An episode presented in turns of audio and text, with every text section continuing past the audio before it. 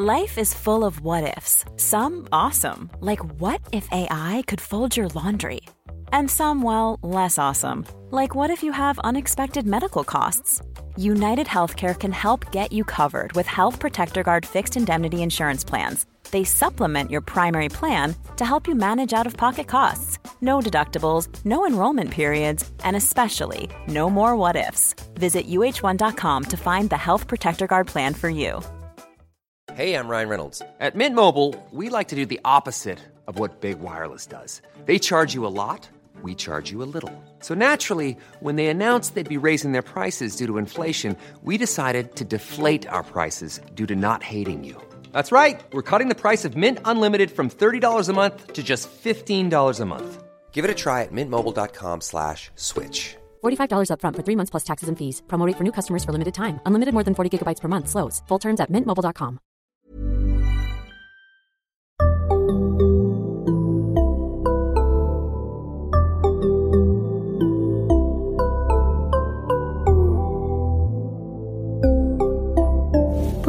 Barnpsykologerna.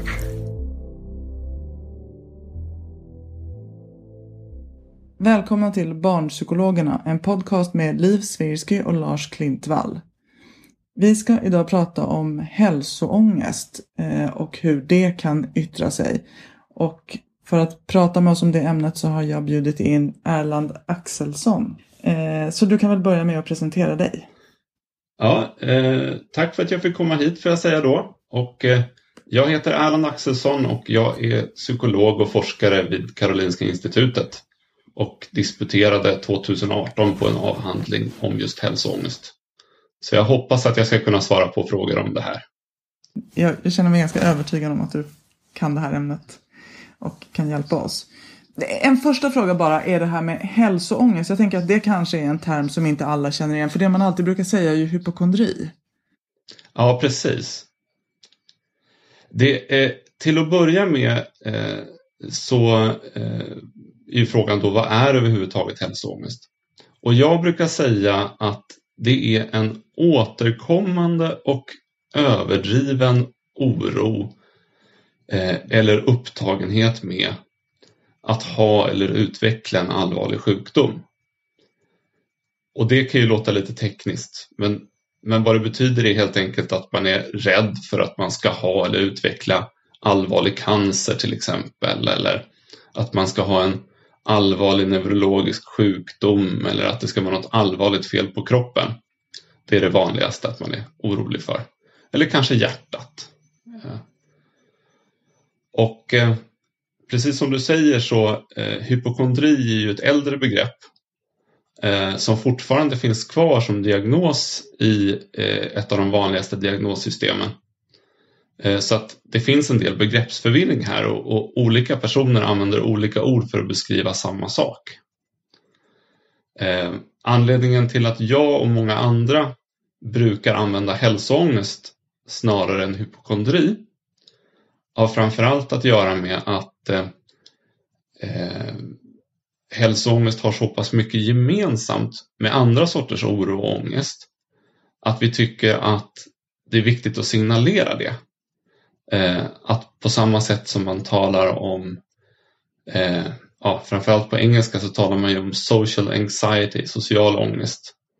Eh, man kan tala om panikångest, det har ju alla hört. Och på samma sätt så tycker jag att man kan prata om hälsoångest, att det finns mycket likheter som också hjälper oss att liksom när vi ser det så, så blir det lättare att förstå oro för sjukdom och hur man ska hantera det. Just det. Det känns ju också som att hypokondri kanske har blivit ett ord som är ganska eh, har fått en laddning och som är lite nedsättande. Det är liksom, ja, ah, en hypokondriker, det är en, liksom en, in, alltså det här inbildningssjuk. Ja, precis. Det finns ju alltid en sån inneboende risk tror jag i, i, när det gäller sådana här diagnoser. Eh, och det är inte alla som känner till det, till exempel att ordet idiot, som är ett av de vanligaste ju, eh, förolämpningarna på svenska, det var ju ursprungligen en beteckning för eh, om man låg väldigt långt ner på eh, IQ-skalan, vad jag förstår. Mm. Eh, alltså, det, det, finns ju fler sådana exempel. Förut om man hade eh, finns vissa kromosomavvikelser som blivit skällsord och Mm. annat sånt där. Eh, så att ja, det finns nog en inneboende, ett inneboende sånt problem här. Eh, så att absolut, det, kan, det har tror jag också spelat in. Mm, just det. Nu var ju du inne på hur hälsoångest yttrar sig och du nämnde några sjukdomar, cancer, neurologiska sjukdomar och hjärtproblem. Är det ofta just dem det handlar om? Ja, men det skulle jag säga. Det, det ringar nog in.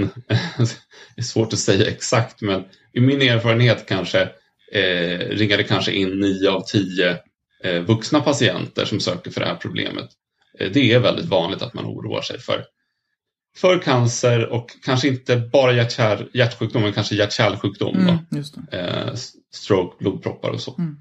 Och, och lite krasst kanske en anledning till det är att det här faktiskt på riktigt är vanliga allvarliga sjukdomar, alltså relativt vanliga allvarliga sjukdomar. Eh, där man kanske haft en anhörig som gått bort i det eller, eller så. Och kan det inte också bidra att det är sjukdomar som inte är så här superuppenbara? Alltså blir man förkyld och börjar nysa så är det inte så mycket frågan om vad man har. Men att just de här sjukdomarna är lite dolda, kräver ganska mycket utredning ofta för att få diagnos. Och att det lämnar mycket utrymme till oro. Ja, det, det har du nog helt rätt i. Det, det är en väldigt bra poäng. Ehm, det behöver ju inte vara så att man oroar sig för en sjukdom som, som är sån du beskriver. Men jag tror också att det kan, det kan göra det svårare att hantera vissa typer av symptom om, om man liksom slås av den här tanken att det skulle kunna vara ja, en viss sjukdom som kanske är ganska svår att utreda. Mm. Så kan det säkert vara. Precis. Du, hur vanligt är hälsoångest? Ja, eh, mellan tummen och pekfingret skulle jag säga att bland, bland vuxna eh, kanske 3,5 procent kan vara, det, det beror lite grann på hur man ställer frågan och exakt hur man mäter det. Men, men jag skulle säga kanske 3-4 procent av, av den vuxna befolkningen har eh, väldigt stark oro för hälsan som återkommer. Eh, och när det gäller barn så har jag sett en eh, dansk studie eh, där man bad eh, föräldrar eh, att skatta om deras barn var väldigt oroliga för hälsan. Och eh, då hamnade det liknande, det var någonstans två, jag tror 2,5 procent eller något sånt där. Som, eh, ja, 2,5 procent av barnen hade föräldrar som tyckte att, de var väldigt, att barnen var väldigt oroligt för, för hälsan. Just det. Så det är, man får säga att det här är ganska vanligt. Ja, det, det, så mycket kan man säga att det, det är ganska vanligt. Sen är det ju viktigt att säga att det är ju en glidande skala. Så att när man drar en sån gräns mellan vad som är inom citationstecken riktig hälsoångest och vad som är inom citationstecken bara vanlig oro. Eh, så eh, finns det mycket som tyder på att den gränsen är ju väldigt svår att dra. Och, och man kan nog, eh, alltså en och samma person kan ju röra sig på den här långa gradienten, en lång gråskala från eh, liksom lindrigare och kanske hjälpsam oro till problematisk oro. Så att man kanske har olika grader av oro under olika delar av livet. Just det, att man kanske i någon period, jag tänker att till exempel stress och annan påfrestning borde kunna också öka risken för det här, liksom all annan ångest. Ja, exakt. Och, och, och, och det du säger på slutet är ju, är ju nyckeln någonstans att det här är, det här är ett typ av oro och ångestproblem eh, som också har mycket att göra, alltså det liknar väldigt mycket också det som vi brukar kalla för tvångssyndrom, ett annat vanligt problem. Eh, väldigt mycket av hur, hur hälsoångest fungerar det överlappar med liksom, de andra vanligaste ångestbesvären eh, och även de här tvångsliknande besvären. Att det, ja, det finns familjelikheter där, det finns mycket att lära av att titta på liknande tillstånd. Just det. Mm. Ehm, finns det någon könsskillnad? Är det vanligare hos män eller hos kvinnor? Eh, inte tydligt så. Jag misstänker att det beror lite grann på hur man mäter det. Men, men det är i alla fall ingen jättetydlig könsskillnad. Det är inte så att till exempel det finns tre gånger så många kvinnor med hälsoångest eller någonting sånt. Eh, antagligen. Eh, eh, jag skulle, jag skulle, skulle, skulle du tvinga mig att säga någonting med sä säkerhet, om jag var tvungen att gissa, så skulle jag säga att de vanligaste sätten att fråga, ja då kanske det är en viss övervikt mot kvinnor, men den är inte stor. Mm. Det är vad jag skulle gissa. Det är ju intressant, för det ser man ju på nästan alla andra ångeststörningar så är det ju en övervikt av kvinnor. Till exempel paniksyndrom ja. är det väl 30-70 eller någonting?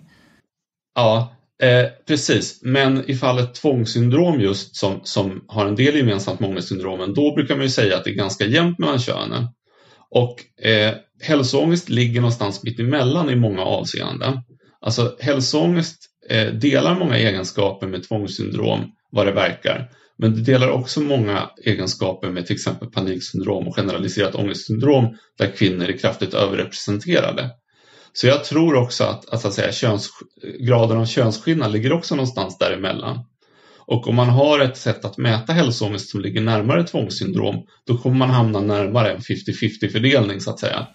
Och har man, ja, och har man ett, ett, en mätmetod som gör att man fokuserar mer på den typen av oro och ångest som förekommer vid paniksyndrom och, och generaliserat ångestsyndrom då kommer man att hamna närmare en, en, en liksom tydlig för, för liksom fler kvinnor. Så, att, så att, eh, ja, det har ju att göra med den här begreppsförvirringen. Att, att man kan mäta det på lite olika sätt och då blir fördelningen lite olika. Mm. Nu måste jag göra en lite nördig eh, utvikning, men jag tänker på just eh, blod och injektionsfobi. Eh, mm. Av alla specifika fobier så är det en klar majoritet kvinnor som drabbas. Utom just mm. blod och injektionsfobi där det nästan inte finns någon könsskillnad.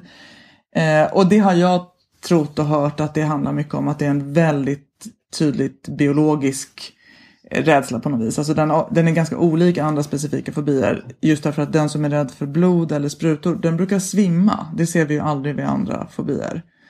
Och nu bara tänker jag att finns det något där med att kan det också finnas något kulturellt kring att vissa former av rädslor är okej okay, inom citationstecken även för män att ha och har varit över tid. Och att män därför känns vid det medan andra ångestproblem har varit kvinnliga bara därför att kvinnor har fått ha dem. Liksom. Ja, alltså eh, det är ju det är en jättevanlig, liksom spridd idé att det skulle vara så och jag, jag, eh, eh, jag kan väl inte säga annat än att så kan det ju vara. Men däremot är det ju svårt att säga säkert. Men, men absolut, ehm, det kan säkert vara så att Ja, jag vet inte. Jag har nog träffat en del personer det blir lätt det här att man börjar spekulera och tänka mm. tillbaka på alla personer man mött som haft det här problemet. Och, ja, hur många har jag träffat? Egentligen, om vi ska vara lite krassa så har vi nog inte riktigt fakta på bordet. Men, men jag tycker att det är en intressant tanke och det kan nog stämma. Mm. Det, det, verkar ju rimligt liksom att det skulle kunna spela in. Mm. Eh, men å andra sidan, många, många kanske skäms väldigt mycket just för oro för sjukdom. Så jag, jag, vet inte. Jag, jag, jag vet faktiskt Nej. inte. Nej, vi spekulerar. Det är en intressant tanke. Ja, ja men det, det, det, kan vi göra, va? det är spännande. men jag, jag, känner att jag, jag, vågar inte säga något om det där. Men du, i dessa tider av corona som ju härjar, vet du någonting om man har sett, finns det någon liksom, koppling till hälsoångest där? Alltså är det många som har blivit oroliga eh, på grund av corona eller som har utvecklat hälsoångest eller de som redan har hälsoångest har corona blivit ytterligare en grej man oroar sig för? Ja, det har kommit någon enstaka studie där jag sett att det finns ett samband mellan hur mycket liksom, ska man säga, klassisk hälsoångest man har eh, och hur mycket man är orolig specifikt för corona. Mm. Men det är då tvärsnittsstudier, alltså studier där man tillfrågat personer om deras hälsoångest och oro för corona vid ett enskilt tillfälle. Och man har ingen tidigare information om hur oroliga de varit för hälsoångest. Eh, eller hur mycket hälsoångest de haft. Så att eh, eh, baserat på det så går det egentligen inte att säga säkert. Eh, det man kan säga, eller som man såg i det materialet, det var att det fanns ett samband just mellan ja, vid den tidpunkten. Mm. De personer som är oroliga för corona just nu tenderar att skatta högre hälsoångest just nu. Mm. Men, men vi vet ju inte liksom om det beror på att eh, de personerna som ja, vi vet strikt talat inte om det var de personerna som hade högst hälsoångest innan corona som är mest oroliga för corona nu. Men, men jag skulle säga att det vore ju väldigt konstigt om det inte var så. Därför att eh, det finns eh, rätt mycket studier, eller många studier, där man undersökt just eh, graden av självskattad hälsoångest och, eh, eller oro för sjukdom då, och hur, eh, Eh, hur starkt man reagerar på hälsorelaterad information eh, och hur eh, hotfulla man tycker att olika hälsorelaterade hot är. Till exempel alltså hur, hur man kan få till exempel, man kan göra experiment där man ber folk eh, skatta hur sannolikt det är att olika symptom tyder på en allvarlig sjukdom till exempel. Och då är det ju så att om man skattar att man själv är mer orolig för allvarliga sjukdomar, ja, föga förvånande så blir man ju också mer orolig för symptom när man får höra talas om dem. Ja, surprise, surprise. Mm. Va? Men, men det, det, det, är ändå, det, det är väl ändå bra att man kunnat se det, va? men mm. det, är, ju inte särskilt överraskande. Och, och, och på samma sätt, det finns många liknande experiment. Och, och, på samma sätt så vore det ju väldigt konstigt om det inte var så att det är de personer som tenderar att vara oroliga för sin hälsa som också blir mer oroliga nu. Eh, alltså, jag, jag, jag är helt övertygad om att det säkert är på det viset, åtminstone i någon mån. Eh, men hur stark den effekten är eh, och eh, liksom hur den slår exakt för corona, det är väl lite svårare att säga. Mm. Eh, om, man, om man ska ta in ytterligare någon vinkel så är det väl att ofta när man, när man talar om hälsoångest så talar man om en oro eller rädsla för väldigt allvarliga och kanske dödliga sjukdomar.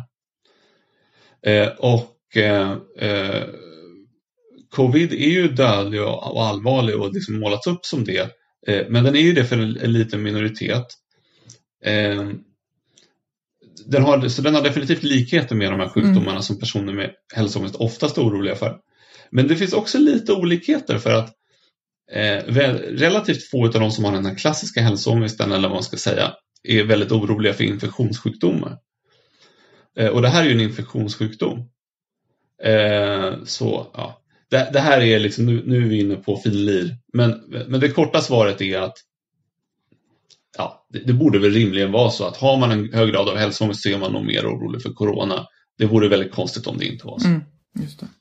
Och det kan man ju tänka sig även barn kan man ju gissa att eftersom barn nås av mycket information fast den inte är så silad alla gånger utan ganska brutal. Jag tänker hur mycket man, när man, de här dagliga rapporterna av hur många som har dött. Och att det såklart då finns en hel del barn som måste bli väldigt skrämda av att höra det och inte riktigt förstå och inte kunna göra heller de här statistiska analyserna på något vis och se att det är ganska få liksom det är jättebra poäng och, och inte minst att man ser hur vuxna reagerar mm. såklart. Att, mm. att många vuxna reagerar ju starkt och man, man märker att det här, är, det här är någonting som avviker. Nu plötsligt är mamma och pappa hemma och jobbar eller nu får jag inte gå till skolan som vanligt eller förskolan som vanligt eller vad det nu kan vara. Mm. Eller, jag menar, det, det väl, inverkar väl jättemycket på barns liv, barn och ungas liv. Mm. Så att, eh, Precis. Ja. Ja. det blir väl också framtida forskning tänker jag. Det kommer väl finnas mycket att studera även, även i det här området vad gäller corona, precis som på många andra områden. Ja, precis. Det, det, det är ju, har ju fullständigt exploderat nu mm. av folk som börjat olika studier som har att göra med corona. Så det, det, kommer definitivt komma ut massor av studier. Så mm. får vi hoppas att de säger någonting också. Ja, precis. Du, om man har en anhörig med hälsoångest, eh, alltså till exempel ett barn. Ja.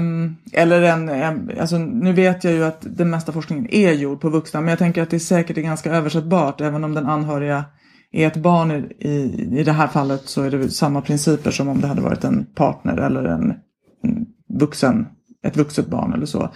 Men hur, vad, vad brukar man rekommendera för, för tips eller råd i hur bemöter man en anhörig med hälsoångest?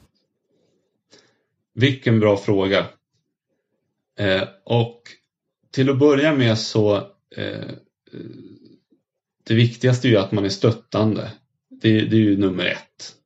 Eh, och det, det, det, är ju lätt att glömma bort att innan man pratar om särskilda strategier att, att finns man där för sitt barn eller, eller sin partner eller vem det nu kan vara Eh, Eh, är beredd att eh, stötta och lyssna och, och eh, dela med sig av, av sin tid eller vad det nu kan vara. Eller att man, Att man, att man bara finns där för en kram eller så, det kan ju göra mycket och många gånger kanske tillräckligt om man inte har den värsta formen av oro för hälsan.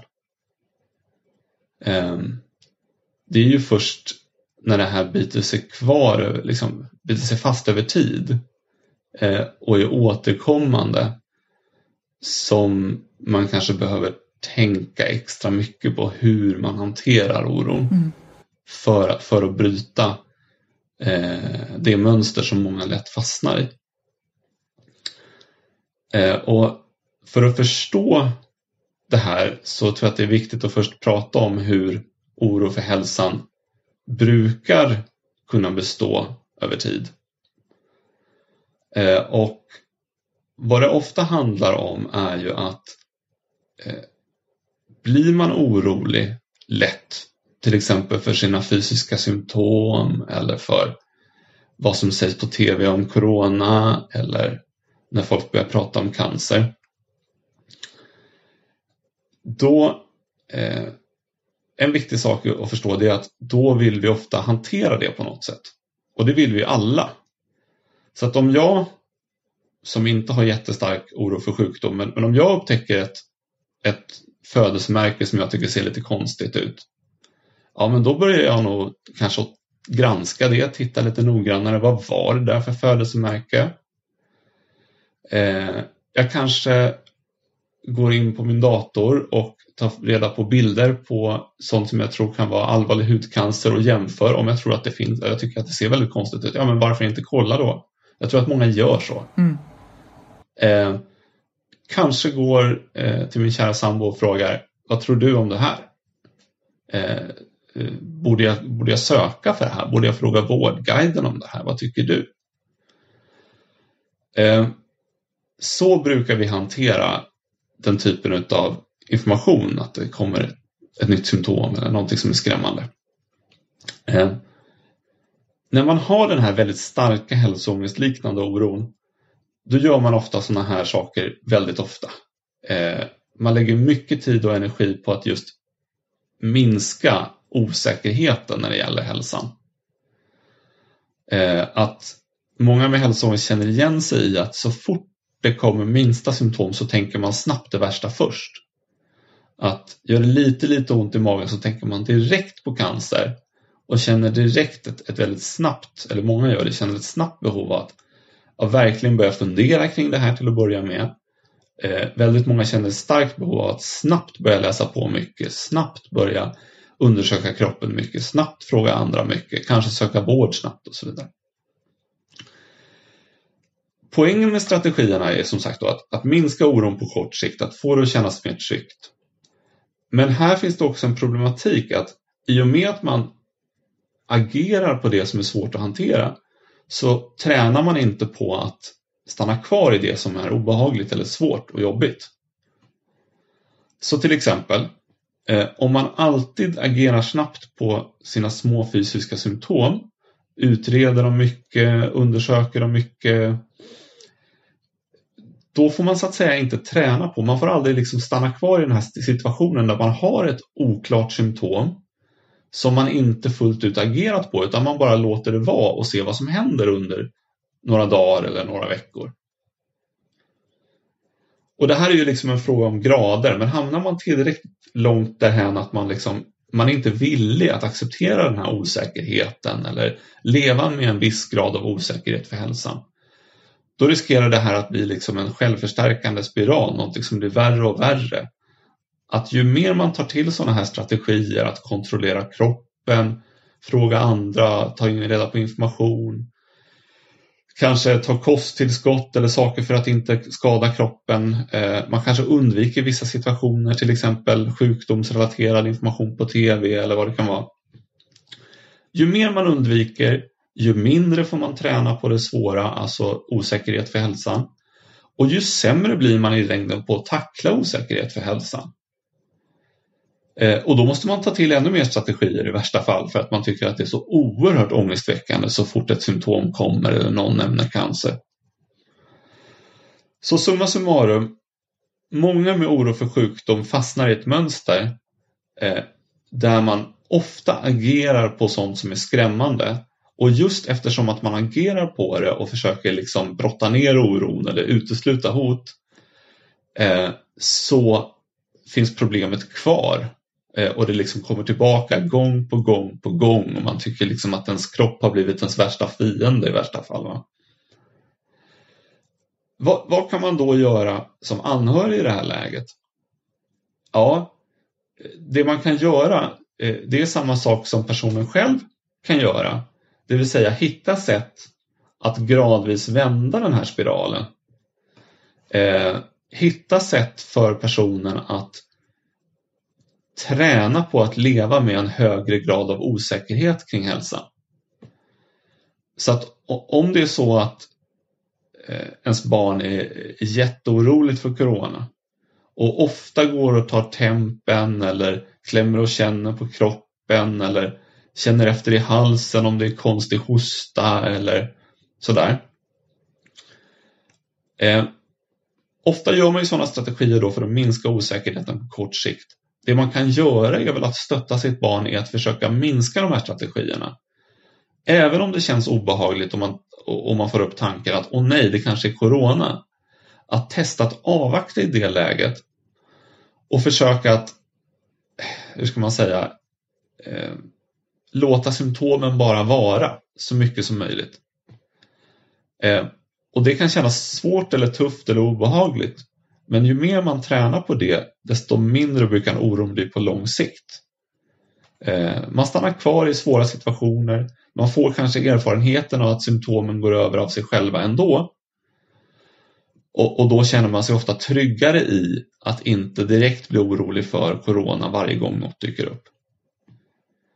Så det var ett långt svar, men det här är liksom det klassiska svaret som man brukar ge för oro och ångest av alla slag. Mm. Att man kan, man kan stötta sin anhöriga, man kan stötta sitt barn eller man kan stötta sin tonåring i att träna på att stå ut med osäkerhet, träna på att inte ta till alla de här strategierna hela tiden för att hantera oron, utan att agera som om man inte var orolig och så kommer det gradvis att bli lättare att hantera.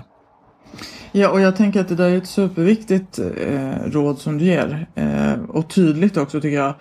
Eh, för det som är kanske för många det spontana att göra om en anhörig visar upp något tecken på symptom eller så, är ju att säga nej, nej, det där är ingenting. Alltså att, att själv stå då för den här kortsiktiga trösten som också bara bidrar till förlängd rädsla. Så även om det där, det är ett svårt råd att följa, att inte gå med på det utan att, att låta sin anhörig vara kvar i oro. Men det är ett, ett viktigt råd. Ja, exakt.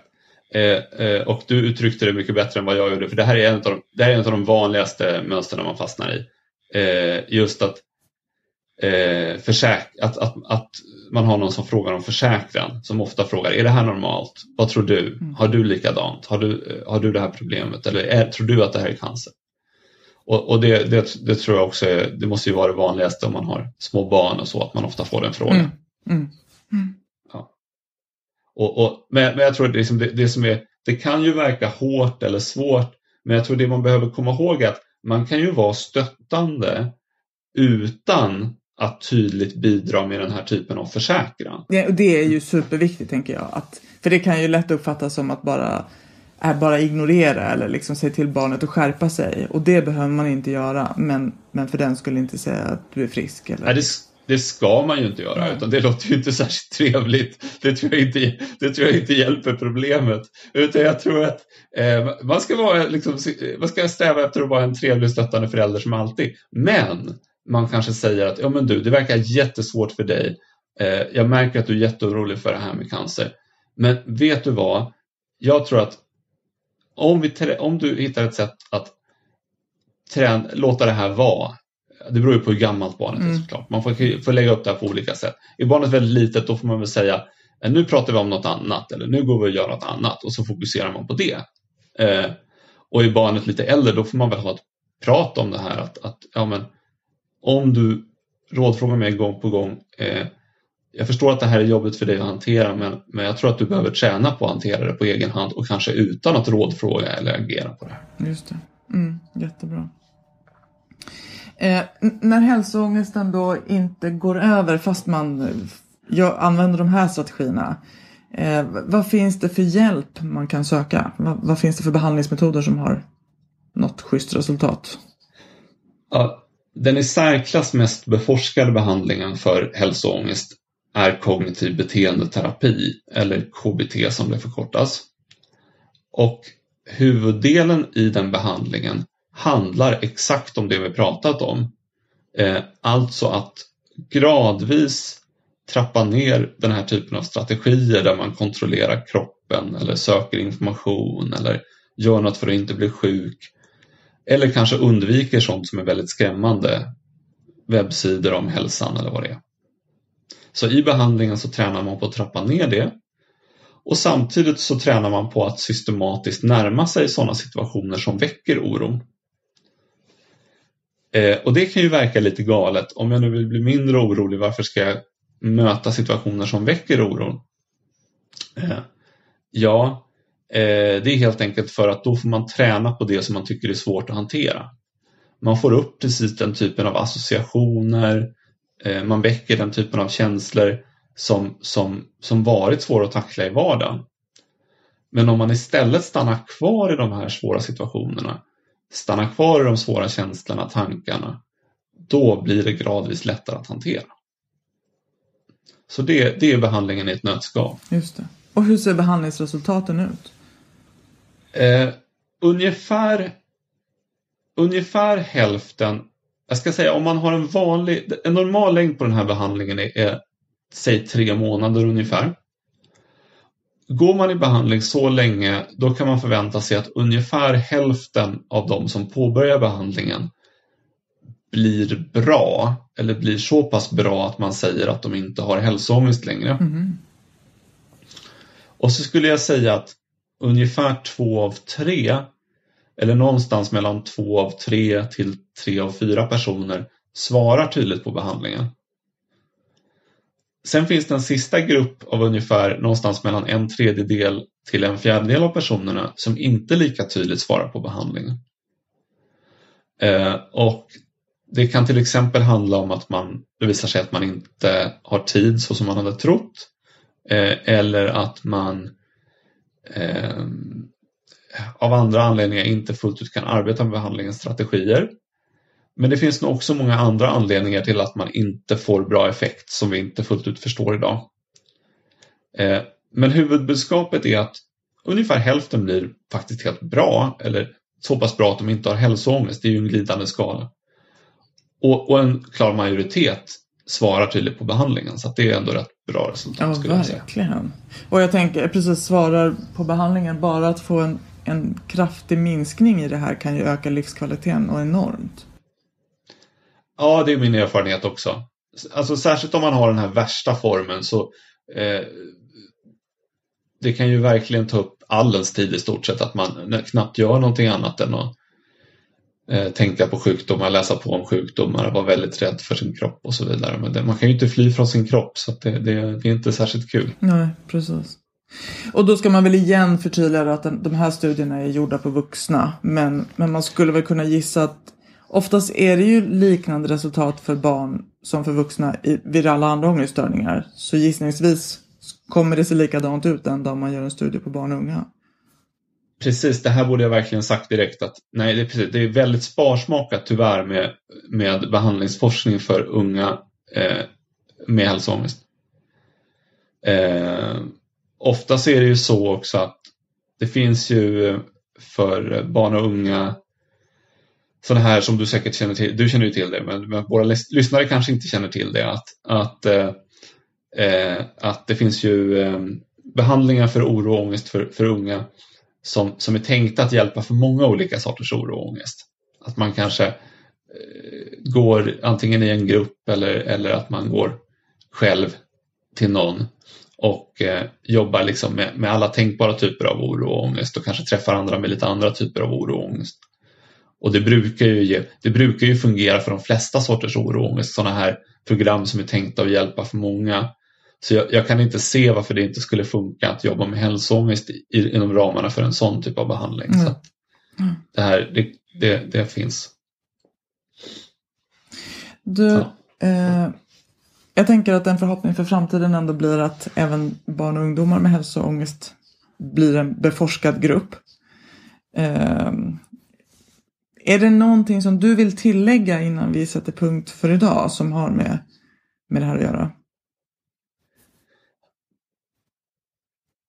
Om jag ska tillägga någonting eh, eh, så är det väl att jag ofta får frågan om det här har blivit ett vanligare problem generellt Mm. senaste åren. Intressant. Ja. Eh, och eh, vi har gjort någon enstaka studie på eh, där vi tittar på en massa olika studenter som fyllt i frågeformulär genom åren. Och då verkar det luta åt att ja, kanske, i alla fall skattar sig folk lite mer oroliga för hälsan idag än vad de brukade. Men det är väldigt svårt att säga säkert, Mm. brukar jag säga. Så då har jag svarat på den frågan, för den brukar jag ofta få. Ja, men det är verkligen en intressant fråga. Eh, ja, vad spännande. Eh, tack Allan för att du ville vara med och berätta om det här ämnet för oss idag. Ja, tack för att jag fick vara med. Och vi sätter punkt för dagens eh, avsnitt. Och vill ni följa oss så finns vi på Facebook där vi heter Barnpsykologerna och på Instagram där vi heter Barnpsykologerna understreckare podd. Och håll utkik för snart kommer ett nytt avsnitt. Tack, hej!